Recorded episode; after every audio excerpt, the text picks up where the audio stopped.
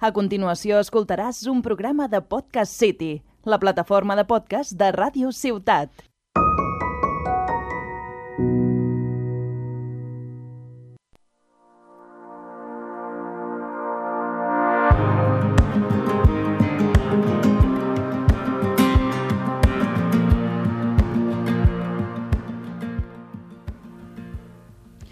Sorprendríeu de les eines i recursos que tenim les persones per superar moments de dificultat. Recursos que ni potser no sabíem que teníem. Us sorprendríeu també de les mil i una maneres que podem trobar per sortir del pou. Com sempre dic, des de la ciutat que cura hi ha un remei esperant-vos, únic i específic per cadascú de vosaltres. Per això no em canso mai de fer propostes saludables que integrin totes les dimensions de la persona – ja sé que esteu desitjant en candeletes descobrir quin recurs o microhàbit us oferirem avui. I així és com ha de ser, que l'esperit de la curiositat i d'aprendre no defalleixi mai, perquè serà el motor que us portarà al cim. Jo sóc Mercè Milan, infermera, i la veu de la ciutat que cura, el podcast de salut i bons hàbits que t'ajudaran al teu camí cap a una vida plena. Take off a load, letting your wings unfold, but keeping everything down to a minimum. Everything a bit low. Tell them what you know, not all that you know. The truth told, you need it more than you thought. Una desgràcia va portar molt de dolor i un regal amagat al darrere. Però per descobrir-lo s'havia de traspassar un llindar. Una història colpidora i preciosa que m'agradaria que escoltéssiu en primera persona. Avui, la Lídia Martínez ens acompanya per compartir la seva història i molt més. Lídia, endavant. Com va anar tot? Bones. Eh, doncs... Bones, bona tarda. Hem entrat així en directe per preguntar-te allò que va canviar la teva vida. Doncs sí, així va ser. No? Fa cinc anys eh, anava en bicicleta amb la que era la meva parella i un cotxe ens va atropellar. Ella va morir.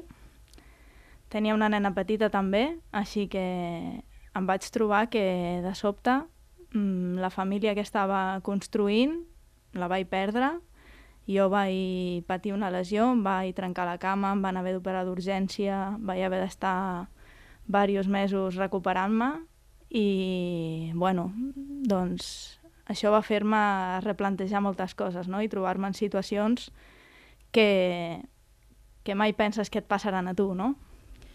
I tant.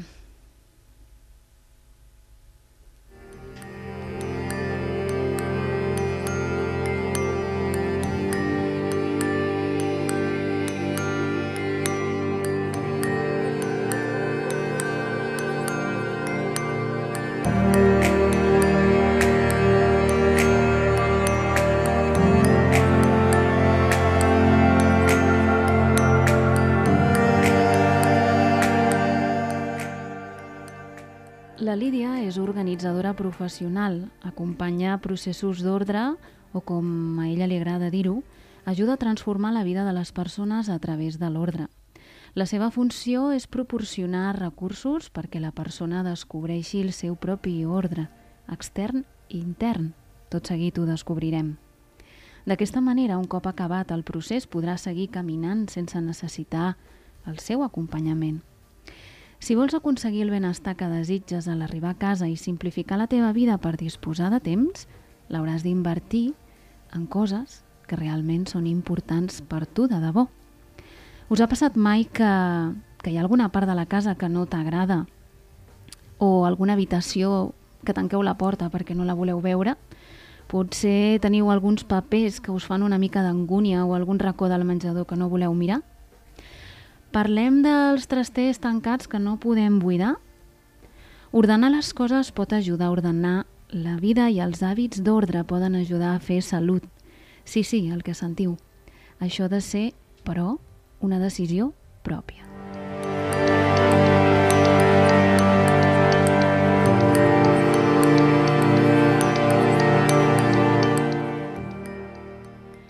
L'ordre pot ser un camí preciós de la mà de la Lídia. Lídia, és possible ordenar la vida de les persones? És possible, és possible. Per difícil que sembli i que pensem que som desordenats per naturalesa, jo crec que no és exactament així, no? I, i al final podem aprendre a tot, no? I podem aprendre també a ser ordenats i, com has dit tu, agafar petits hàbits que ens facilitaran la vida i, i fan possible no? que aquest ordre es mantingui en el temps. No sigui com algo puntual que fas, ordenes i al cap d'un temps torna a estar al desordre. Ara, ara has dit una cosa que m'ha cridat molt l'atenció, no? Dius, encara que sembli que siguem desordenats per naturalesa, no? potser no ho som tant. Com has arribat a, en aquest punt de conclu concloure això, no? Bueno, tenim creences i, i maneres de fer que sí que ens porten, no? com a, a anar acumulant i al final això ens acaba portant al desordre. Però no tenim per què ser desordenats. Ja, és un aprenentatge, entenc, no? Sense arribar a, a, a obsessionar-se. Uh, com podem explicar que l'ordre i el minimalisme poden ser un recurs terapèutic per, per moments determinats de les persones i en situacions concretes, no?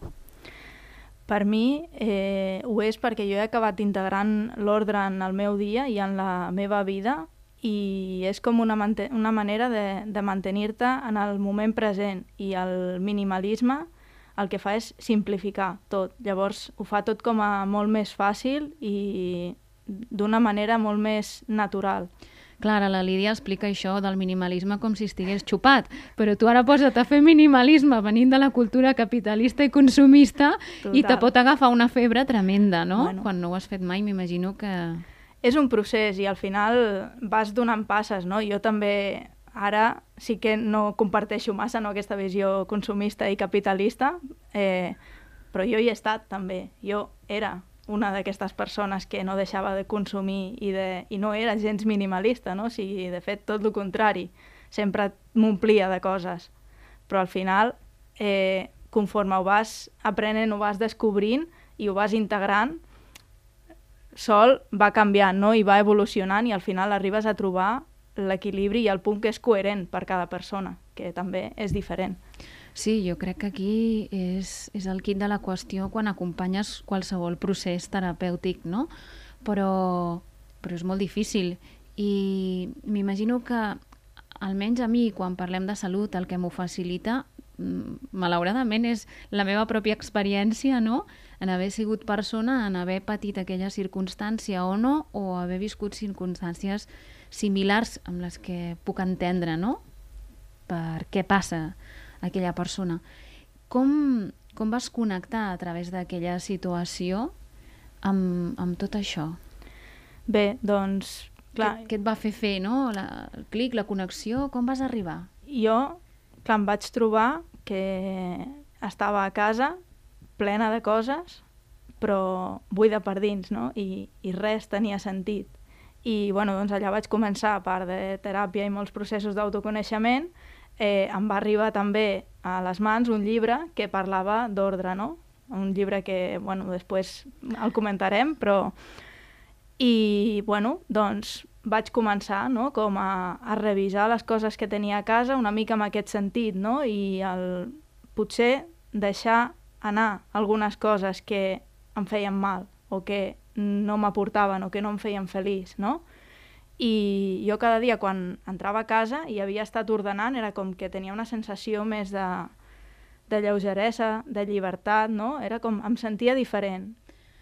Aquí hi ha una cosa curiosa, no?, que, que quan parlàvem abans de, de... estàvem organitzant el podcast, eh, a mi em va semblar com, com paraules clau, no?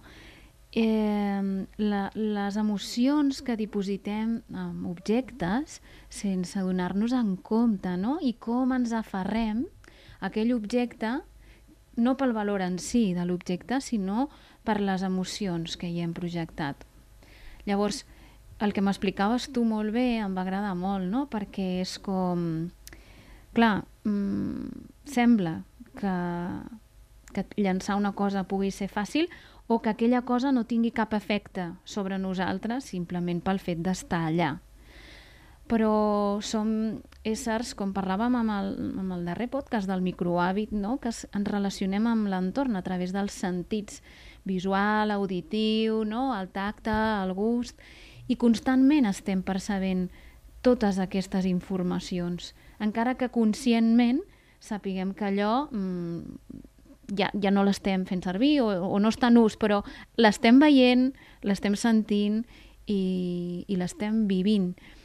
Eh, clar, no és el fet de la cosa, no? sinó tu com explicaries millor que jo, ara ho mm. estic explicant, aquesta connexió eh, sobre les coses materials, i sobretot en un procés de pèrdua, jo crec que s'entén s'entén millor perquè, perquè el dolor és molt profund, no?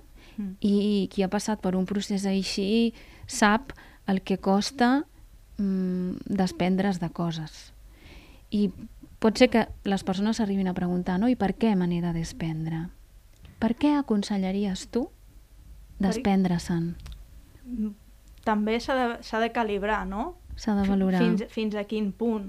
Però al final és una mica el que has dit, no? Que és soroll visual, estar allà, i encara que no sigui de manera inconscient, inconscientment ens pesa, no? És com algo que estem carregant sense adonar-nos-en. I, I a través de, de valorar o de revisar no, els objectes i potser de deixar-los anar, eh, per mi és com que aconsegueixes transformar l'energia que té aquest objecte i transformar la relació que tu tenies amb aquest objecte, no? I potser transformar l'emoció, també, no? Perquè quan tu parles d'un objecte i perquè jo és el que em trobo, no? La gent al final m'explica, no?, de les coses que està revisant. Llavors, pots aconseguir veure-li una altra part o veure-la d'una altra manera i diguéssim com potser fer les paus amb l'emoció encara que sigui dolorosa i deixar anar tota aquesta càrrega que, que estaves portant i no? la manera que tenies abans de relacionar-te. Clar, això és un procés evidentment terapèutic i, i que per arribar-hi és aquest clic de fer conscient allò que està darrere d'aquell objecte, no? Mm, per exemple, no sé, eh, pots trobar una camisa o un regal o, no ho sé, coses que acostumen a ser personals que, que per tu, eh, cada vegada que les veus, t'aboquen aquell record no? que et fa sentir, ostres, doncs allò no em va agradar, no? O, o enyoro aquesta persona cada vegada que veig aquesta camisa, no? I, i em fa connectar amb una tristesa en un moment en el que potser jo estic fent una altra cosa i la, la meva disposició és una altra, però aquella tristesa està en mi, no en l'objecte. I l'objecte te la recorda, pel que dèiem, no? Perquè mm -hmm. sí. eh, funcionem a través dels estímuls, a través dels sentits i a través dels propioceptors. Clar, eh, a, nivell de, a nivell comercial també s'ha parlat molt de, del feng shui, de com canviar les coses de color, de la maricondo, no? Tot això, eh, des del meu punt de vista, té una utilitat i, i hem d'agrair que s'hagi pogut difondre. Però a mi m'agradaria fer-vos una mica la reflexió que jo, jo com a acupuntora utilitzo i he utilitzat el Feng Shui i en parlarem al final amb un petit, amb un petit incís. Eh, podeu trobar molts llibres, podeu trobar exacte els referents més coneguts que, que parlen d'aquests temes, però si no teniu aquest acompanyament que faci fer aquest clic a nivell de reflexió, el procés terapèutic és possible que no hi sigui, no? És a dir, no hi ha màgia en les coses. Uh, L'acció està en el pensament i amb la intenció, no? Exacte. Has donat la paraula clau, no? Al final, quan fem un procés d'ordre, per mi el més important és la intenció, no? Que li poses i el que realment estàs revisant els objectes amb aquesta intenció. I potser l'exemple que ficaves abans de la camisa, quan tu em comencis a parlar i a explicar-me potser històries boniques de la persona que portava aquesta camisa, les teves emocions també canviaran, no? I aquí és on està la transformació. I potser i tu ja et quedes amb aquesta emoció i no necessites una camisa que et recordi una tristesa. Que bonic això que acabes de dir, no? Ostres, Lídia. És, és que és així, per mi Clar. És, és com jo ho he viscut. Eh, Exacte, o sigui, el que fa el teu procés d'acompanyament és anar més enllà de bé, llanço coses perquè vull fer espai a que entrin coses noves, no. Uh, estic endreçant, m'estic endreçant per dins. Al final, l'ordre exterior és un reflexe del, del nostre ordre intern. Està clar. Quins són o, els valors que, que hauríem d'anar incorporant per entendre o per poder integrar un procés d'ordre com el que tu acompanyes?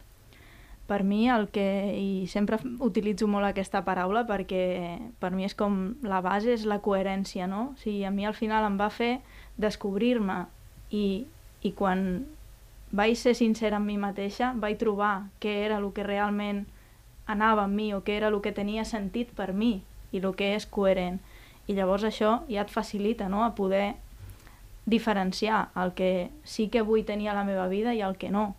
I a la mateixa hora t'estàs coneixent, o sigui, jo em vaig conèixer molt fent aquest procés. Sí, i a més a més em, em vas, eh, em vas fer, fer, fer consciència quan parlàvem d'un matís, no? que aquest procés de coherència està basat en el moment present. Totalment. Perquè la vida canvia i nosaltres canviem. I al final és o sigui, tenim tendència a acumular i, i potser estem guardant coses que ja no tenen sentit, no? Perquè doncs, fa uns anys fèiem un hobby que ens agradava molt o el que fos i encara tens allà eh, les sabates o la raqueta o el que sigui. I, I ara ja no té sentit això, perquè la teva vida ha canviat, perquè estem en constant evolució. O els patins al traster per quan no, algun dia tornis a recuperar les ganes no, d'anar a patinar, però en realitat tens por perquè dius cada vegada que veig els patins em trencaré, em Sí, trencaré, no? i, i al final no, és com t'estàs tota l'estona donant-te a tu mateixa aquests missatges no? i dient-te o exigint-te, no? com a que, ostres, és que hauria d'estar, hauria de tenir temps per anar a patinar, hauria de... Això, això crec que és una reflexió necessària i, i que em va agradar molt quan ho compartíem, no? I que les persones ens ho hem de replantejar perquè, com, com diu la Lídia, no? cada, cada X temps canviem, ens passen coses i el que mm, era coherent fa uns mesos potser ara no ho és gens. I al final eh, aquest espai que alliberem mm, quan aquests pensaments que ens vinculen eh, al passat tota l'estona és energia que perdem i, i que, no, que no ens deixa viure el present amb tota la nostra capacitat. No? Jo crec que Totalment. aquest... Digues, digues. I projectar-nos també en el futur, no? El per si de cas, amb les pors. Aquesta és otra. Sí, sí. Llavors, al final, per mi és un procés de, de confiar totalment i de viure el moment present. Que si en el futur necessites alguna cosa, trobaràs la manera d'aconseguir-la. Però de no estar carregant contínuament tot el temps a casa, que és un lloc on ens hem de sentir a gust i on passem molt temps de la nostra vida. amb el per si a cas. Exacte. Jo no sé si, si a hores d'ara us pregunteu com relacionem la salut amb l'ordre i el minimalisme. Segurament ja heu començat a fer-vos una idea, mm? però per ajudar-vos una miqueta a comprendre més bé la relació que jo us vull transmetre i que gràcies a la Lídia us transmetrem avui, us vull donar una paraula clau no? que per mi mm, m'ha estat d'ajuda. Curteta. Paraula... Dos paraules, va. Anem al cos?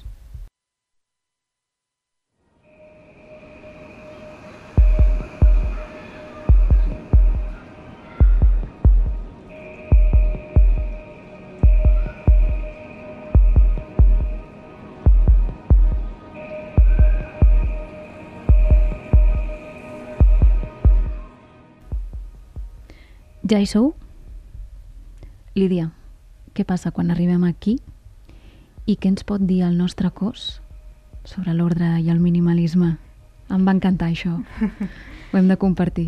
Sí, i tant. Al final, el cos no menteix, no? I totes les respostes les tenim nosaltres a dins nostre i el cos és una eina que ens pot ajudar, no? El que dèiem abans, el com escollir, no? Què és el que vull quedar-me, que és el que em fa que el meu cos s'expandeixi, no? que em senti bé, que em senti alegre, feliç, i que és el que em fa no, encongir-me i no em fa sentir bé. I... Després ja, ja parlarà el cap i el cervell i te dirà excuses perquè Exacte, allò no ho toquis, no ho llancis i tal, però, però el cos te dirà si et ve de gust posar-te aquell vestit que vas tenir un dia amb un sopar que va anar fatal, i és un vestit que acaba, acaba quedant allà, no? o, o si et vols quedar aquell regal d'aquells convidats indesitjables que és molt car i et sap greu llançar, però és que et recorda aquell moment, no? Jo crec que a nivell visceral eh, tenim unes respostes de les quals ens hem anat desconnectant perquè hi ha molts perquès, hi ha moltes creences, hi ha moltes, com tu dius, falses necessitats, no?, que, que ens allunyen d'aquest sentir que sempre reivindiquem des de la ciutat que cura com a eina per equilibrar la persona. Al final estem en una societat en la que el pensament, la informació, la intel·lectualitat és l'únic o, o allò que li donem valor i, i no ens donem valor al que sentim o al que el nostre cos ens comunica.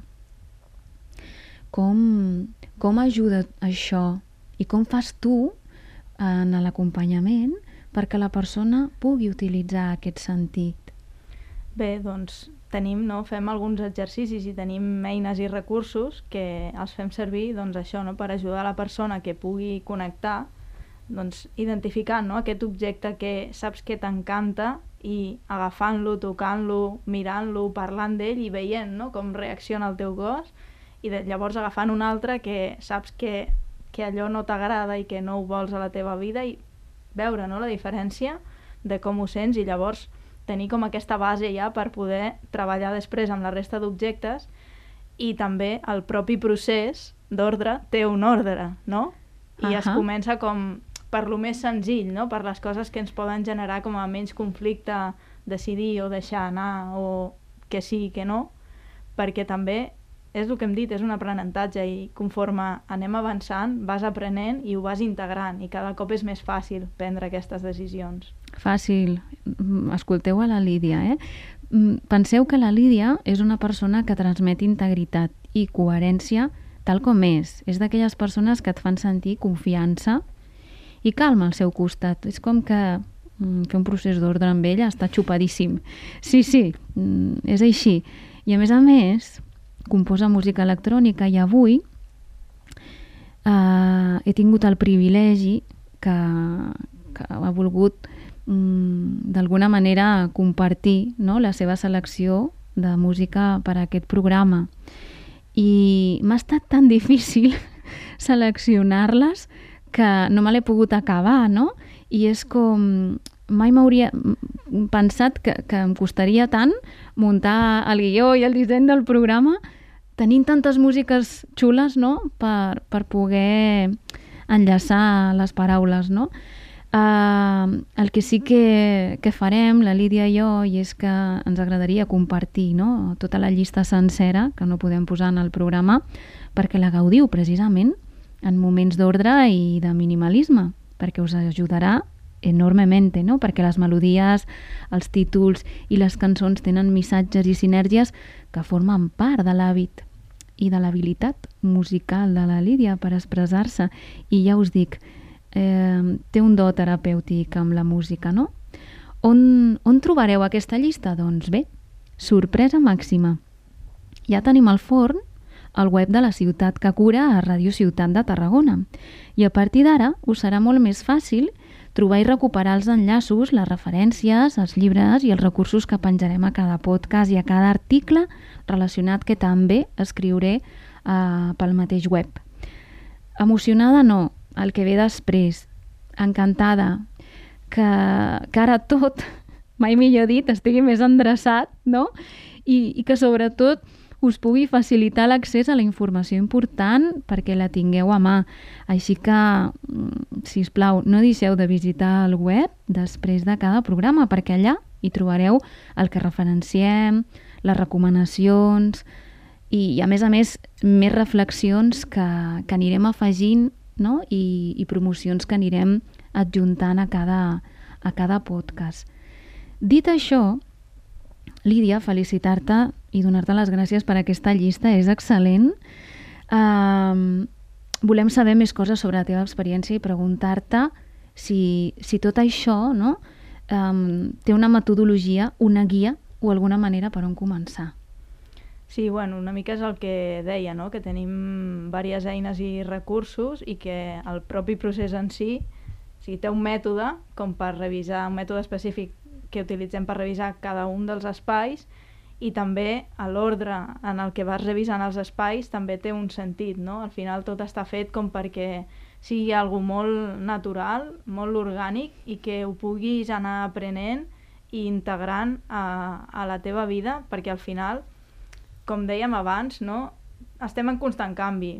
Per tant, constantment hem d'estar ordenant o endreçant. I tant. Exacte.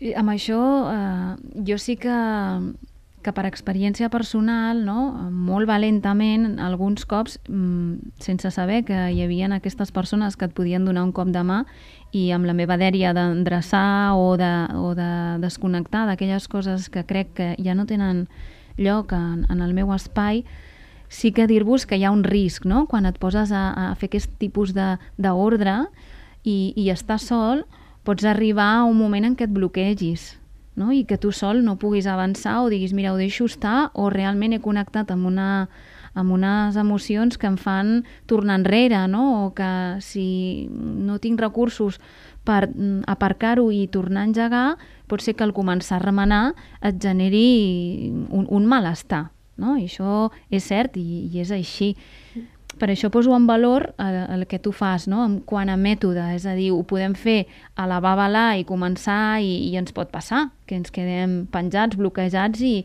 i amb una muntanya de coses que no sabem què fer i que no tenim valor de llançar, o que no sabem com tornar a reendreçar perquè hem, hem buidat, hem buidat, hem buidat i dius, i ara què, no? I ara, i ara què faig amb tot això? Sabeu, evidentment, que, que hi ha un mètode que la Lídia mm, no és el mètode, sinó la seva manera d'acompanyar aquest respecte a, a aquesta a, capacitat no? d'empatia i d'entendre de, el procés de la persona, el que fa que això sigui fàcil i fluid. I és que al seu costat això sembla fàcil i facilíssim, ja us ho dic. I, i bé, mmm, no, pot ser que de vegades no, no tinguem totes les àrees de la nostra casa per endreçar, però que hi hagi coses concretes no a nivell d'ordre de la casa, sinó a nivell d'ordre emocional que necessitem endreçar i que no necessitem un acompanyament psicològic, sinó que potser a través d'aquest tipus d'ordre ens sigui més fàcil. Per això és un recurs més. I és el que us deia a l'inici. Cadascú té un recurs específic en el món que l'ajudarà a sortir d'aquell pou, no? Jo penso que és així, Lídia. No tothom li anirà bé això, no tothom li anirà, li anirà bé fer teràpia, no tothom li anirà bé escoltar no sé què. Jo crec que el kit és aquest. Està clar, jo també, no? jo mateixa vaig passar com per molts diferents eines i processos terapèutics i diferents coses. I al final, realment, quan he arribat a connectar, l'ordre ha estat molt present en la meva vida des de sempre, no? Llavors és com tenia molt sentit per mi. Seguim.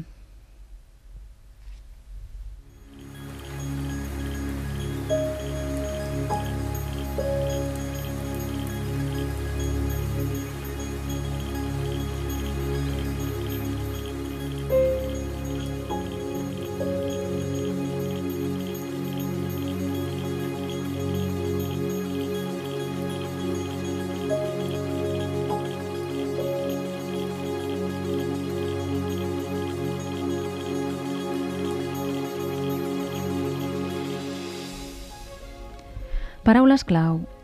Ordre i coherència. Totalment. És que van de la mà. Perquè la una et porta cap a l'altra. No... no, no hi ha, per mi no hi ha un altre camí. I a més és divertit, eh? Buit i desconnexió. Buit i desconnexió.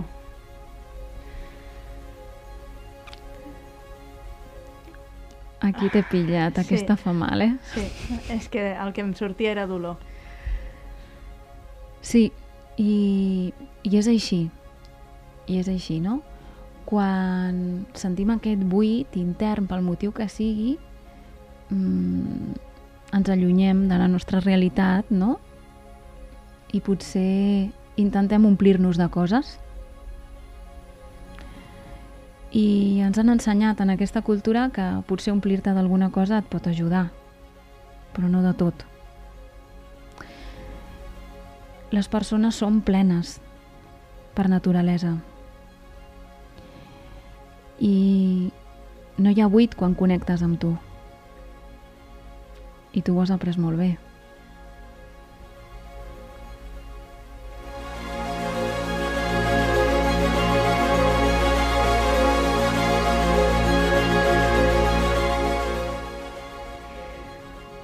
Necessitats creades o necessitats reals? S'han de trobar les necessitats reals, les que siguin coherents per cada persona. No? Ens han creat moltes necessitats de fora i ens han fet creure no? que, que omplint-nos de coses podem ser feliços i com tu has dit, eh, sí, pots sentir aquesta felicitat, però és momentània, perquè la felicitat real i la que es pot mantenir en el temps, la tenim nosaltres a dins. Posem algun exemple de necessitats reals i necessitats creades? Per mi, les que jo he trobat arrel de l'ordre, que també m'han fet arribar a dedicar-me al que em dedico ara, eh, és la necessitat de viure i la necessitat de, de temps, no? de, de disfrutar del temps que tenim i de realment viure la vida i aprofitar-lo. I viure les experiències, no? O sigui, és que les coses que més ens omplen són les experiències, no les coses materials. Ingredients que ens farien falta. Calma i pausa per estar en el moment present no? I, i realment disfrutar i viure de cada instant, de tot el que ens passa a la vida. Això que sembla tan minimalista ens fa tanta falta que sembla tan obvi que, que com se fa això, Lídia? No hi ha una, una fórmula secreta i al final no, cadascú ha de trobar la seva i és això, o sigui, les respostes les tenim a dins nostre. I per mi l'ordre ha sigut un camí que, que m'ha portat a, a poder estar vivint ara de la manera que jo vull i la vida que jo vull i realment aprofitant el temps perquè mai sabem quan, quan dura ni quant temps ens queda. La meva profunda admiració per aquest procés i, i per tot el que pots aportar gràcies a la teva experiència no hi ha prou paraules no? per valorar tot el camí que has fet, Lídia, i, i que crec que, que, que to, no sé, no sé jo, jo crec que et pots omplir d'orgull no?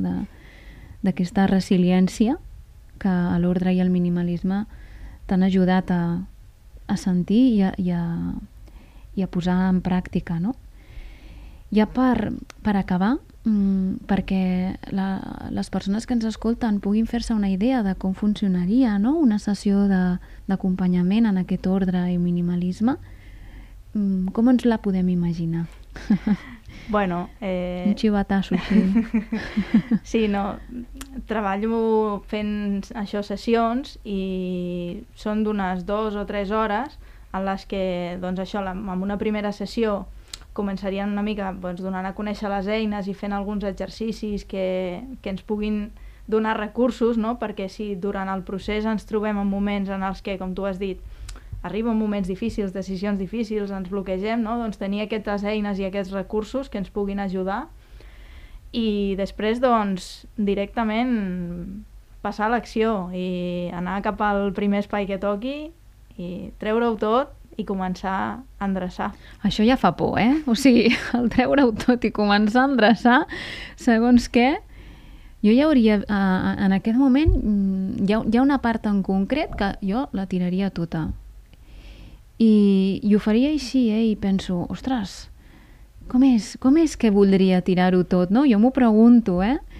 I, i gràcies a fer aquest podcast, dic bé, quan vegi la Lídia ja li faré aquesta pregunteta a nivell privat, a veure quina pista em dona, però sobretot animar-vos a posar ordre a les vostres vides i, i aquí teniu un recurs més, com, com sempre, en, en el nostre ànim d'oferir-vos eines, d'oferir-vos opcions fàcils que, que teniu a l'abast i, que, i que podeu trobar primer llegint, després escoltant i buscant el vostre moment, no?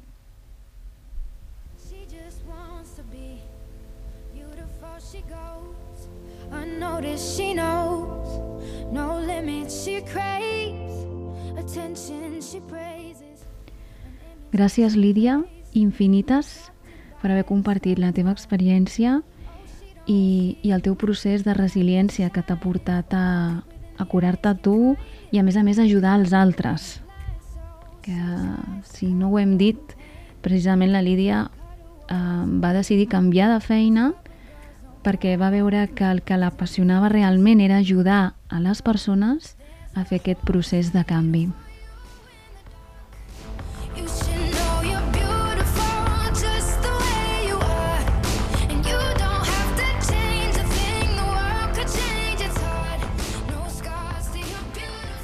Acomiadar-te amb tot el cor i amb tot l'agraïment, mm, repeteixo, per haver compartit els teus recursos i la teva experiència tan preciosa.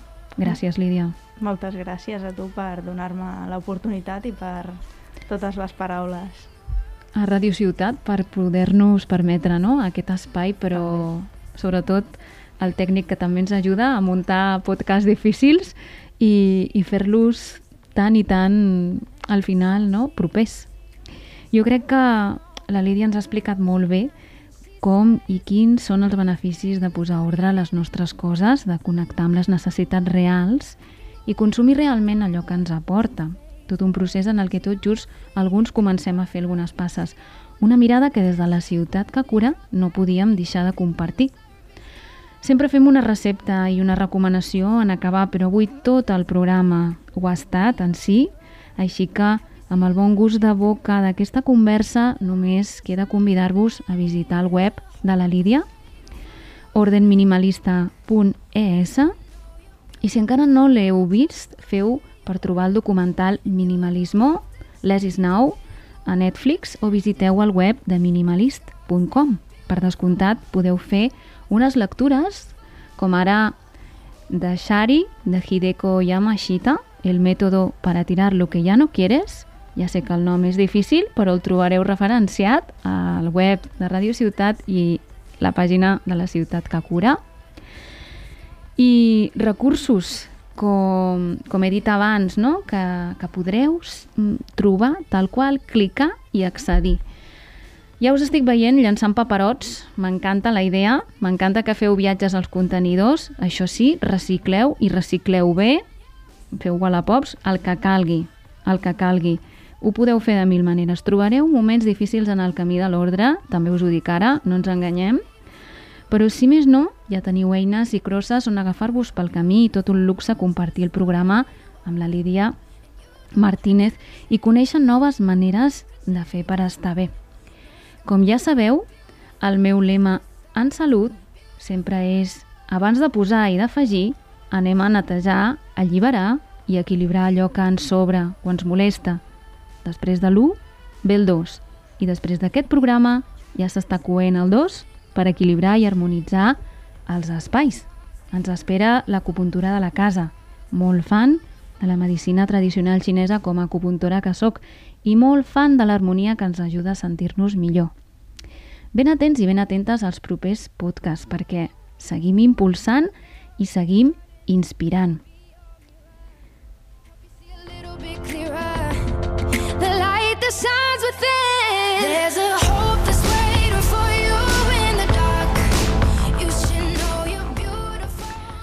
M'ho he passat molt bé, com sempre. Gaudeixo molt de fer aquest podcast i de compartir aquesta estona amb tu.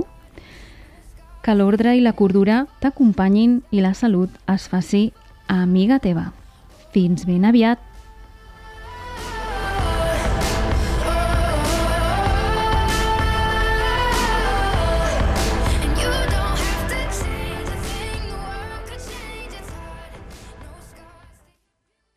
Has escoltat un programa de Podcast City, la plataforma de podcast de Ràdio Ciutat.